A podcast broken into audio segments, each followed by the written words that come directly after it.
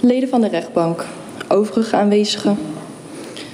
Vandaag is het 452 dagen geleden dat Carlo overleed. Carlo, de liefde van mijn leven.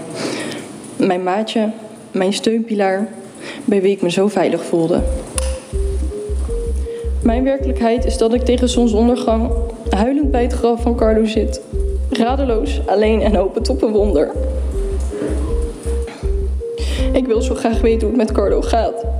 Het is nog steeds zo gek om te beseffen dat dit allemaal gebeurd is.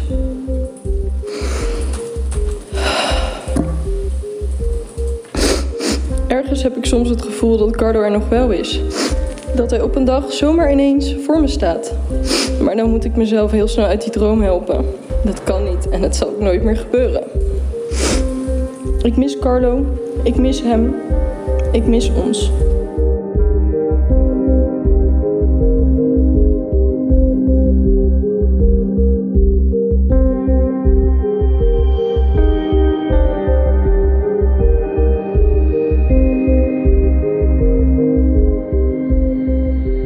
Niets je beter beseffen waar een strafzaak over gaat dan een moment waarop de nabestaanden aan het woord komen. Mensen die wanhopig op zoek zijn naar antwoorden op de vraag wat er met hun geliefde is gebeurd. In de rechtbank van Lelystad pakken de nabestaanden de kans om de groep verdachten in de ogen te kijken en te vertellen wat hen is ontnomen. Een zoon, een vriend, een geliefde. Mijn naam is Joris Peters. Je luistert naar Het Geheim van Mallorca, aflevering 6. Carlo.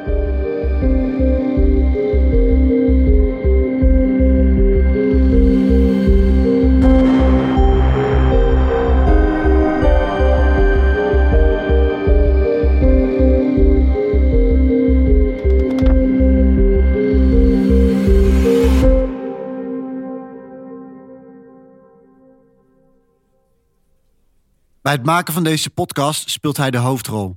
Carlo. Gewoon Carlo, want zo hebben zijn nabestaanden het graag, zonder achternaam. Carlo is voor mij lange tijd, hoe raar dat misschien ook klinkt, enkel slachtoffer. Een man die ik voor het eerst zag op een foto bij opsporing verzocht met de vraag of er nog getuigen zijn die meer weten. Hij is natuurlijk meer. Maar wie was hij?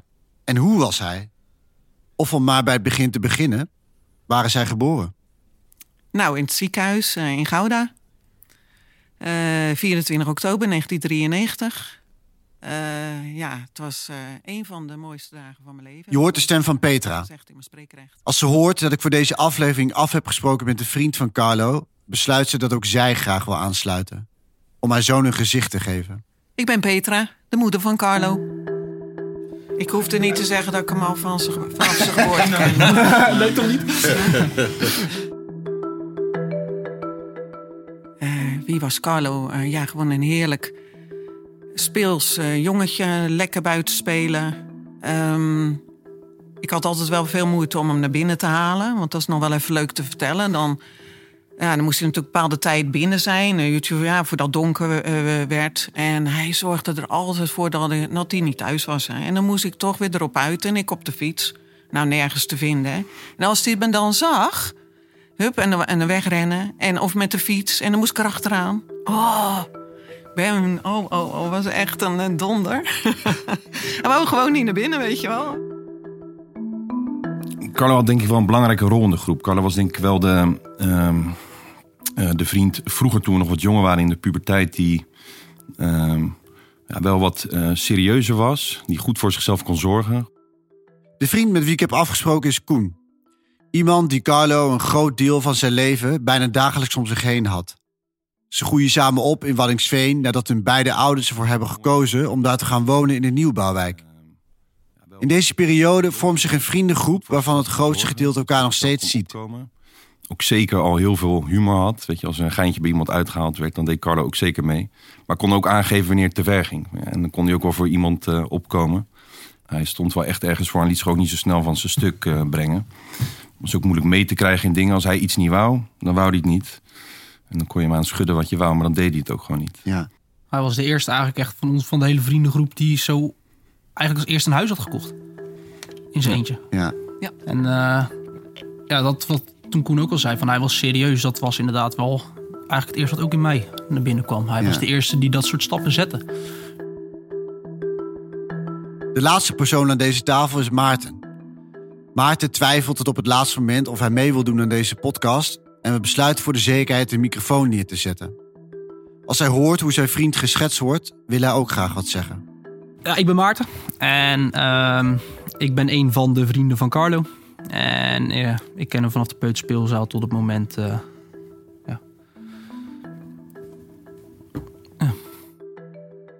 De vrienden omschrijven Carlo als iemand die net wat volwassener overkomt dan de rest. Een man die zich regelmatig een spiegel voorhoudt. Carlo is ook wel die vriend, daar kwam je dan af en toe binnen en dan stelde hij kritische vragen aan mij bijvoorbeeld. Van joh, ehm, joh heb je dit of dit nou al voor jezelf geregeld? Of, eh, ja, dan moest zeggen nee, nee. Weet je, maar hij stelde soms ook vervelende vragen. En dan dacht je, ja, wil ik het nou even niet over hebben. Maar hij ging daar wel gewoon op door. Ik weet nog dat ik zelf een moeilijke periode meemaakte eh, toen mijn eh, ouders uit elkaar gingen. En eh, dat ik een beetje tussen wal en schip kwam met waar ik ging wonen en zo. En, eh, en dat hij wel gewoon zei van, joh, ik nou gewoon een keer echt een vriendin... waar je wat langer mee blijft en ga nou eens eh, bouwen aan je toekomst. Zo, dat soort gesprekken hadden we echt wel met elkaar. Of al zag hij dat jij ja, drie keer in de week lekker bier ging drinken. Dan zei hij wel, misschien moet je dat bier een keer laten staan... en even focussen op dit, weet je wel. Dat, Ja. En dat heeft hij ook bij andere jongens gedaan uit de vriendengroep. Ik, zie, Ehm, ik zie Petra helemaal glunderen om de, dankzij de goede opvoeding. Of hoe, eh, hoe is, heeft hij dat van zijn vader? Heeft hij dat van jou? Heeft hij dat... Van zichzelf. Ja, Ja, misschien van mij. Ik eh, ben van de maten. Ja, en hij had een hekel aan al- alcohol. Wel, ja. Maar hij had ook een hekel aan, aan eh, het gedrag van mensen. ja, lamme mensen zijn vervelend inderdaad. Ja, ja. daar had hij een duidelijk eh, oordeel over. eh. Ja. ja, dat vond hij echt niks. Carlo was degene die bopte. Eh, En Carlo was degene Ja, die toch waar. ook jou even aansprak van... joh, luister, dit eh, gaat me even net te ver. Je loopt het laatste stukje maar, weet je. Dat, eh, ja, dat was echt... eh, dat was echt Carlo. Maar vergis je niet, je kon ook echt heel veel lol met hem trappen. Hij was ook zeker van, eh, ja, van een hele hoop gekkigheid. Wat was dan het idee om dan naar Mallorca te gaan? Dus voor hem niet, eh, zoals veel jongeren hem zien, een zuipvakantie. Voor hem was het dus wat anders. Nou, ehm, een zuipvakantie denk ik inderdaad niet. En het grappige is dat jij het nu aanhaalt. En ik heb kort voordat hij naar Mallorca ging... ehm, ging ik met Carlo eh, sporten. En eh, hij vertelde over, eh, over deze vakantie, dat hij die had gepland. Ehm, en ik weet nog dat ik tegen hem zei van... joh, Mallorca, weet je, moet je daar nou eh, zoeken? Als zou ik daar naartoe gaan, ben ik alles kwijt. Ben ik mijn vriendin kwijt, weet je wel. Je gaat, je gaat dronken, je gaat gekke dingen doen. Eh, en je hoopt maar dan dat alles goed gaat. Dus ik zei, dat is niks voor mij, weet je. En dat Carlo zei, ja, maar ik ben jou ook niet. We zijn best wel een grote vriendengroep. Ehm, en eigenlijk gingen we altijd meer met ja, wat samengestelde groepjes op het laatste moment. Met wie het nou uitkwam. En het maakte niet zoveel uit of je nou eh, met personen in de groep zat die je eigenlijk niet zoveel had gezien dat jaar. Of die je alleen zag op momenten dat we allemaal bij elkaar kwamen. Eh, dat kon gewoon. Eh, dus op zo'n vakantie was dat gewoon prima. Ehm, en ja, dat was ja, nu ook zo. Het, was, het waren een aantal mensen die. en ook echt wel, zeker echt wel goede vrienden van Carlo. Ehm, maar die gewoon elkaar hadden gevonden op dat moment. Samen de keuze hadden gemaakt van nou, we willen graag met elkaar op vakantie. En eh, we- laten we het gewoon doen. Ja. Gewoon geboekt, ja. Als de tickets zijn geboekt, komt Carlo een dag voor vertrek nog even gedag zeggen tegen zijn ouders. Ze praten een uurtje voordat hij weer naar huis toe gaat om zich klaar te maken voor de reis de volgende dag. En hij was inderdaad regelaar, hè? Voor degene die meegingen. Heb je daarop gelet? Heb je daarop gelet? Er moest nog getest worden. En nou ja, toen kwam hij ook nog met een berichtje terug... dat eh, een van de jongens... eh, die had ze verkeerd eh, naam opgegeven voor de ticket. Oh, als dat maar goed gaat. Ze- dat is Carlo, hè? Die hield het allemaal in de gaten, regelde alles. Ze waren ongeveer half vier aangekomen. En toen s'avonds dacht ik, "Hé, ik heb nog niks van hem gehoord. Dat vind ik vervelend. Ik kan niet slapen zonder dat ik wat heb gehoord dat het goed gaat. Dus ik had hem eh, geappt. Eh, Carlo, ben je goed aangekomen? Eh, heb je een leuk huis? Nou, geen geen eh, reactie. Dus ik de vriendin van Carlo vragen... ehm, is die goed aangekomen? Dat was half elf s'avonds. Ja, prima, goed aangekomen. En een, een fijn appartement. En toen ging ik rustig slapen. Pas om half twaalf, toen ik al op bed lag... toen heb ik een berichtje van hem gehad... met een mooie foto, met glisterende ogen. Eh, komt hij uit het vliegtuig eh, stappen en eh, had hij selfie gemaakt. Mam, ik ben goed aangekomen. Ja. Ja, dat was half twaalf s'avonds. En toen werd je wakker gemaakt die nacht. S ochtends vroeg om half zeven. Door mijn man. Petra, kom maar even naar beneden. Er is iets ergs gebeurd. Nou ja, en dan stort je wereld in.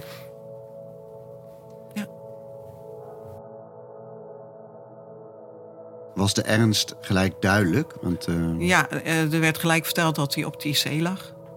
Want uh, ik denk, dan moet het wel ernstig zijn als je op de IC ligt. Ja, toen we gelijk uh, vlucht geboekt. Die ging om half één, smiddags. Zijn vriendin is ook meegegaan en mijn man, we zijn met z'n drieën daarheen gegaan. Was heel moeilijk. Was heel moeilijk in dat vliegtuig. Je wil daar niet zitten. Je wil zo snel mogelijk naar hem toe. Was een hel. Maarten en Koen worden die dag toegevoegd aan een WhatsApp-groep en lezen op die manier over wat er met Carlo is gebeurd. Uh, door uh, de vriendin van Carlo werd dan een groepsapp aangemaakt. En daarin werd het nieuws verteld inderdaad dat er een geweldsincident was geweest. Waarbij Carlo dan betrokken was geweest en dat hij dus inderdaad op een intensive care lag. Ik zat hier, waar we nu ook zitten. En normaal zit ik hier met schoonfamilie na mijn werk en dat is hartstikke gezellig. Die dag was ik dat is echt op één hand te tellen eigenlijk, helemaal alleen. Dus ik had een pizza besteld en ik had de laatste dingen van mijn werk gedaan. En ik zat hier en ik word die app ingegooid. En ik, uh, met een pizzapunt in mijn hand, uh, kijk ik dat bericht en ik lees hem door. En ik denk, coma? Joh, uh, ja, ik weet niet, dat drong niet echt wat op me door. Ik dacht natuurlijk wel, dit is slecht. Maar ik legde eigenlijk mijn telefoon weg en ik ga dooreten. En op een gegeven moment, na drie happen, denk ik in één keer... wacht even, weer mijn telefoon leggen en, of uh, openen en uh, pizza wegleggen, even goed kijken. En toen pas viel voor mij eigenlijk wel echt het kwartje dat dit niet goed was. En uh, ik heb die pizza niet eens opgegeten. gaan ijsberen. Koen is op de weg terug van zijn vakantie in Italië. Als hij achter het stuur zit, ontvangt hij het bericht. Ik heb mijn telefoon zo staan dat ik hem wel kan zien. Uh, krijg ik een bericht met inderdaad een, dat er een groepsapp was aangemaakt met Carlo, we houden van je. En ik dacht, uh, is die jarig? Weet je, ik onthoud niemand zijn verjaardag. Die van mezelf is soms al lastig, maar ik denk, heb ik iets gemist of zo? Is die jarig? Of, um, en ik open, ik open uh, de app. Dat is niet netjes, maar terwijl ik aan het rijden ben, open ik die app en ik kijk inderdaad een, eh, een, een bericht. En um, ik weet het niet. Het kwam gewoon totaal niet binnen. Gewoon niet. De telefoon weer weggelegd, opnieuw weer gepakt. En op een gegeven moment werd ik gewoon heel erg stil. Kan ik me herinneren. En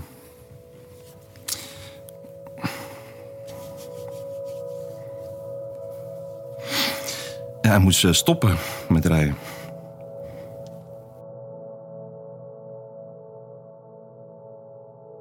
Dan begint er gewoon letterlijk een hel eigenlijk. Ik ben ook niet meer gestopt. We zijn eigenlijk in één keer teruggereden. We zijn samengekomen en dat was uh, ook wel bijzonder. Op de plek waar we nu, nu zijn, zijn we, zijn we samengekomen. En toen probeerden we eigenlijk wat meer te weten te komen over ja, wat er nou precies was gebeurd. En ja, wat Maarten ook zegt, er leefde nog wel hoop. Nee, ik, ik had geen hoop. Ik wist het. Op een of andere manier. Ik vond Carlo daar niet meer. Ik wist dat al. Hij was al weg. Zo diep in coma. Ik heb hem nog één keer weten eh, omhoog te halen. Ja, hoe zeg je dat? Hoe moet ik dat goed zeggen? Dat was uh, op vrijdag. Was ik alleen met hem. En uh, heb ik uh, heel veel met hem uh, gesproken en in zijn oor.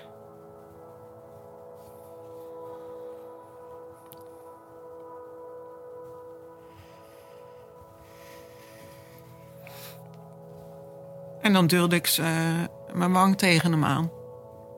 En dan heb ik drie kwartier ja, allerlei herinneringen opgehaald. Van de vakanties, van ons samen. Dat ik van hem hield. En hij moest eigenlijk mijn hand vastpakken. Maar eh, dat kon, kon hij niet. Ja, hoe moet ik het zeggen? Dat voelde zo. Ik zei steeds: pak mijn hand, pak mijn hand, kom omhoog, kom omhoog. Kom uit het donker. En ik wist uh, op dat moment dat hij te ver weg was. Zo voelde dat. En uh, nou, toen heeft hij afscheid genomen van mij op vrijdag al. Hij heeft afscheid genomen van jou? Ja. ja hij, uh, hij draaide zijn uh, wang licht tegen me aan. Hij had tot, eh, tot die tijd nog niks. Ehm, eh, geen reactie getoond. Geen, eh, wel een beetje wel trillen van zijn benen en, en wat be beetje in zijn handen. Maar er konden ook gewoon reacties zijn van spieren. En eh, tot twee keer toe heeft hij ze een beetje zijn hoofd bewogen naar mij toe, naar mijn wang. Wat hij ook altijd deed. Altijd de wangen tegen elkaar. Oh, hey. En eh, dat werd door de dokter en door mijn man en door zijn vriendin opgevat als eh, iets positiefs. De dagen voor zijn overlijden herinner ik me nog goed. Eerst de onwerkelijke reis naar Mallorca. Dan alle bezoeken aan Carlo in het ziekenhuis. Het heen en weer geslingerd worden tussen hoop en wanhoop. De vriendin van Carlo reist ook direct af naar Mallorca. In haar slachtofferverklaring probeert ze haar gevoel over te brengen aan de vele mensen in de zittingszaal, zoals je ook hoorde aan het begin van deze podcast. De dag voor zijn overlijden had ik nog hoop. Carlo was toen volgens de artsen stabiel. Toch is hij de dag erna overleden. Het voelt voor mij alsof Carlo de beslissing om niet verder te leven zelf heeft genomen. Hij heeft zijn dierbaren niet willen belasten met de onmogelijke beslissing over zijn leven en dood, die we waarschijnlijk ooit hadden moeten nemen. Maar dat zullen we nooit weten. Het begin van hersendood is iets met je ademhaling, met een bepaalde ref- reflex. Ik weet niet meer precies, maar dat, dat leek erop dat dat er niet meer was. En dan moet je dan testen doen om dat te constateren. En toen kregen we dus eh, ja, na twee uurtjes ongeveer eh, bericht eh, dat hij hersendood was. Ja. ja. 18 juli, s'morgens, ben ik bij Carlo. En ik wist dat ik hem kwijt was. Nog voor ik de dokter zijn gezicht zag. Ook Petra en haar man maken gebruik van het spreekrecht. Hand in hand lopen ze de rechtszaal binnen om de verdachte aan te kijken en te vertellen over hun zoon. En toen werd het werkelijkheid. Carlo was hersendood. Toen heb ik wel geschreeuwd. Heel lang en heel hard.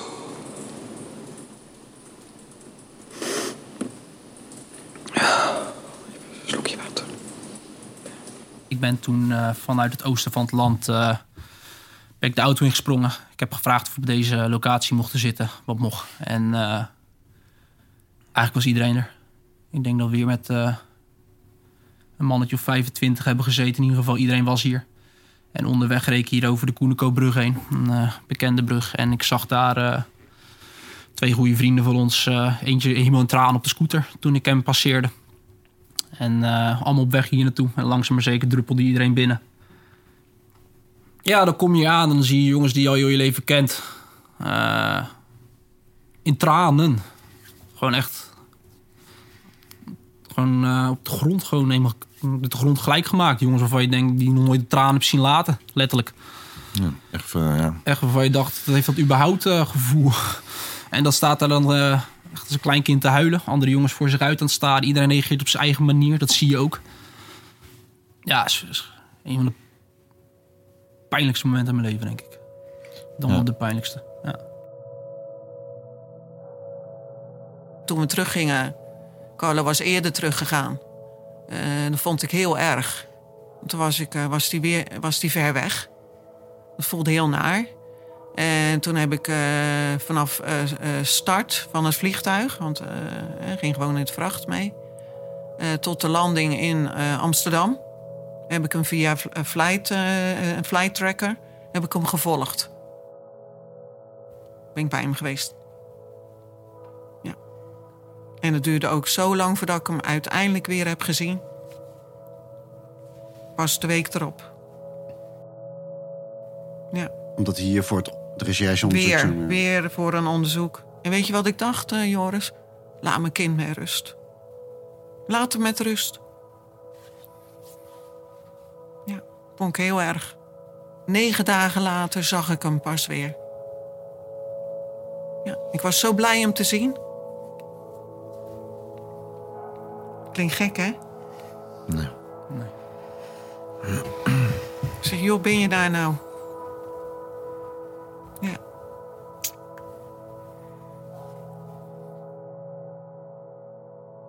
Twee weken na het overlijden van Carlo kan hij pas worden begraven. Maar hoe komt een uitvaart eruit te zien als je logischerwijs nog nooit hebt gesproken over wat iemands laatste wensen zijn? ja, je doet maar wat eigenlijk. Eigenlijk, toch? Je hebt het er nooit over gehad. Nee. Ja, wat zou, had hij gewild? Graven? Cremeren? Ik wist het niet, geen Nee. idee. Ja, dat hebben we toen wel eh, met alle jongens en natuurlijk ook ouders en vriendinnen eh, besproken. Ja. Eh, alles overleggen. En dan eh, het zelf zo mooi mogelijk invullen natuurlijk. Want dan kom je ook op het punt wat voor muziek gaat er gedraaid worden. Waarop we, eh, in ieder geval eh, Julia, Petra heeft dan Ja. eh, samen met eh, de man eh, een, eh, een nummer uitgekozen. En wij hebben dan voor mij nog twee nummers uitgekozen. Een van de nummers die de vrienden kiezen is een hardstyle-nummer genaamd Dark Church. Die heeft Carlo een keer trots laten horen in de auto, maar de speakers van het uitvaartcentrum hebben er wat meer moeite mee. De ouders van Carlo kiezen een liedje waar hij zelf ooit mee aankwam. The Sound of Silence. Niet die van Simon Garfunkel, maar de versie van de band Disturbed. Hello, darkness, my old friend. I've come to talk with you again. Ik vond het gelijk eh, toepasselijk, The Sound of Silence. Ja. Het staat ook bij zijn foto in Mallorca, geloof ja. ik. Hè? Die, ja, eh, dat staat ook op zijn, eh, bij zijn graf. ja. Ja, het was ook werkelijk ineens stil. And the vision that was planted in my brain still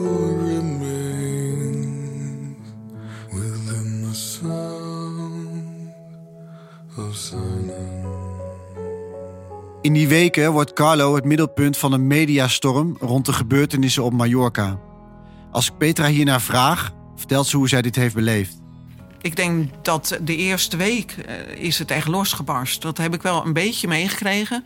Maar ik was zelf... Leefde ik ook niet die week. Nee, Nee. ik was volledig ingestort. Ik hoor niks. Ik had ook mijn telefoon uitgezet. De enorme media-aandacht zorgt er onder andere voor dat de nabestaanden de rechtszaak liever volgen via een beveiligde videoverbinding in Utrecht. Alleen op de dag van de slachtofferverklaringen reizen zij af naar Lelystad en bevinden zij zich te midden van pers en de verdachten met hun ouders. Ze maken nog één keer duidelijk wat voor hen zo belangrijk is. Vroeg of laat komt een fatsoenlijk mens zonder twijfel in gewetensnood. Wees dat voor en spreek je uit. Wij hebben niets aan misplaatste sympathie of medeleven. Wij willen antwoorden. Onze wereld is veranderd. Voor altijd. Ook Petra grijpt de mogelijkheid aan om nog één keer te laten horen wat er zich nog allemaal in haar hoofd afspeelt. Wat heeft Carlo jullie die avond aangedaan? Wat? Hij is doodgeschopt. Eerst geslagen, toen geschopt. Wat heeft hij gedaan? Wat heeft jullie gedaan? Ik hoop dat ik ooit dat antwoord nog eens krijg. Dat jullie het lef hebben om dat een keer te vertellen. Ik weet niet. Hoe voelt het? Hoe voelde het? Ja, mijn enige doel was de, de verdachte in de ogen kijken. Dat is het enige Ja. wat ik wilde. En voor Carlo? Ik weet niet goed. Ik weet echt niet goed. Nee. Het, het, ik, ik moest het doen. En ik had de hele week geoefend. Hardop. Ook eh, naar mensen toe. eh, mensen die ook niet eh, aanwezig konden zijn. Ging ik oefenen. En een paar keer gewoon alleen thuis. En eh, wat ik per se niet wilde... dat ik in zou storten. En dat is me gelukt. Ik heb, ik heb heel lang nagedacht of ik wel eh, wil reageren op wat jullie te zeggen hebben. Omdat ik me niet kan voorstellen hoe moeilijk moeilijk het is om dit eigenlijk van een verdachte te horen. De meeste verdachten komen na de slachtofferverklaringen niet veel verder dan een toewensen van sterkte en dat ze het heel erg vinden. Saniel wijt er meer woorden aan. En ik, ik, ik, kan ni- niet zeggen hoeveel medeleven ik heb met jullie als nabestaanden. En dat ik zou willen dat ik de antwoorden kon geven die jullie willen. Maar die kan ik niet geven. Het enige wat ik kan zeggen is, hoe het er nu staat, klopt niet. Dit zijn niet de antwoorden die jullie willen krijgen, want dit zijn niet de antwoorden die u hoort te krijgen. En ik hoop dat diegene die die avond ruzie heeft gekregen met uw zoon, inderdaad in gewetensnood gaat komen en toch gaat zeggen wat er is gebeurd. Ik kan begrijpen dat jullie hier geen woord van aannemen, want dit horen jullie van een verdachte. Maar toch wil ik jullie zeggen heel veel sterkte. Met alle kennis die we hebben en het gegeven dat de daders in de rechtszaal moeten zitten, vind ik dit een confronterend moment. Het laat mij als journalist twijfelen over de vraag of we dit fragment überhaupt moeten laten horen in een aflevering die draait om Carlo. Kijk, als die jongens gewoon hadden gezegd van dit is er gebeurd... en alle antwoorden een beetje hadden beantwoord zo goed zij dat ook konden... ehm, weet je, dan had ik een stuk minder wrok naar, zo weet ik het wat. En ehm, de manier waarop ze nu extra pijn toeberokkenen aan iedereen die eh, er dichtbij staat... dat doet mij ook heel veel pijn. En dat vind ik gewoon heel frustrerend. Ehm, hoe durf je eigenlijk in eh, het gezicht van de vader te zeggen... dat je er helemaal niets mee te maken hebt eigenlijk? Maakt voor jullie een eindoordeel uit? Een vo- Nou, kan je misschien wel. ehm, eh, tuurlijk maakt een eindoordeel uit. Ehm,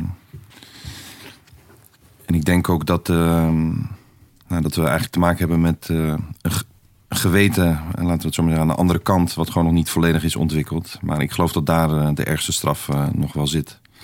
Met een geweten wat in de loop van de tijd, en ik kan erover meepraten, want op je 18, 19 nog niet zo sterk is als op je 27ste. Maar daar kom je vanzelf.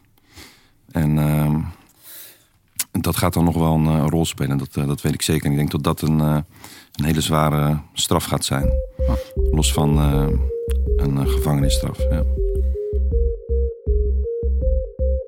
In de zomer van 2022 reisde ik af naar Mallorca om beter te kunnen begrijpen wat zich een jaar eerder heeft afgespeeld in de nacht van 13 op 14 juli. Eerst via regisseur Juan, die in Spanje het onderzoek leidde naar de gevechten die nacht. En barman Ari, die me door zijn ogen heeft meegenomen naar wat hij had zien afspelen voor zijn kroeg De Zaak en mij een eerste indruk gaf van de jongens uit Hilversum. De vrienden uit Heerhugowaard, die ook slachtoffer waren van geweld die nacht. Zij vertelde over een deel van die avond dat onderbelicht bleef. Het eerste gevecht dat onlosmakelijk verbonden is met wat er later die nacht gebeurde voor de Bierexpress. Uit dossierstukken die ik inkreeg te zien, rees een beeld van verdachten die na de gevechten de overwinning vierden. De sfeer die omsloeg naar paniek toen ze hoorden welke gevolgen hun daden hadden. Het vluchten, de intimidatie van getuigen, maar ook het zwijgen in de rechtszaal. Ik heb me vaak afgevraagd of het nou inderdaad een groep is die op oorlogspad is geweest. Of simpelweg tieners die door drank en misplaatste bewijsdrang dachten met vechten hun mannelijkheid te kunnen tonen terwijl ze de gevolgen hiervan niet overzagen. Maar als je eenmaal de gevolgen kent, moet je daar dan niet verantwoording over afleggen. Is de rechtbank dan niet de plek om niet alleen in woorden je spijt te tonen, maar ook met antwoorden te komen? Of kan het echt zo zijn dat je het niet meer weet?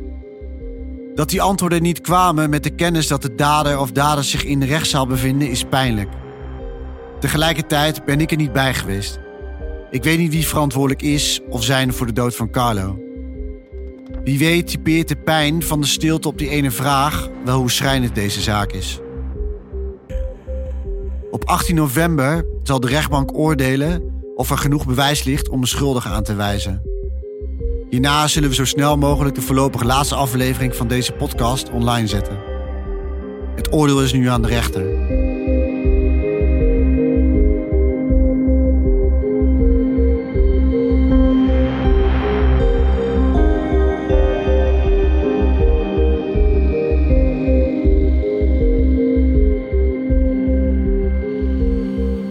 Geheim van Mallorca is een podcast van nu.nl en wordt geproduceerd door David Achter de Molen van het podcastkantoor. Presentatie van de podcast en het onderzoek naar de dood van Carlo Heuvelman wordt gedaan door mij, Joris Peters. De eindredactie is in handen van Frank Brinkhuis. Vind je dit een interessant verhaal? Abonneer je dan gratis op Spotify of jouw podcast-app naar keuze. Laat dan vooral ook even een review achter, zodat meer mensen de podcast weten te vinden. Heb je tips of vragen over het onderzoek? Stuur dan vooral even een berichtje naar joris.nu.nl.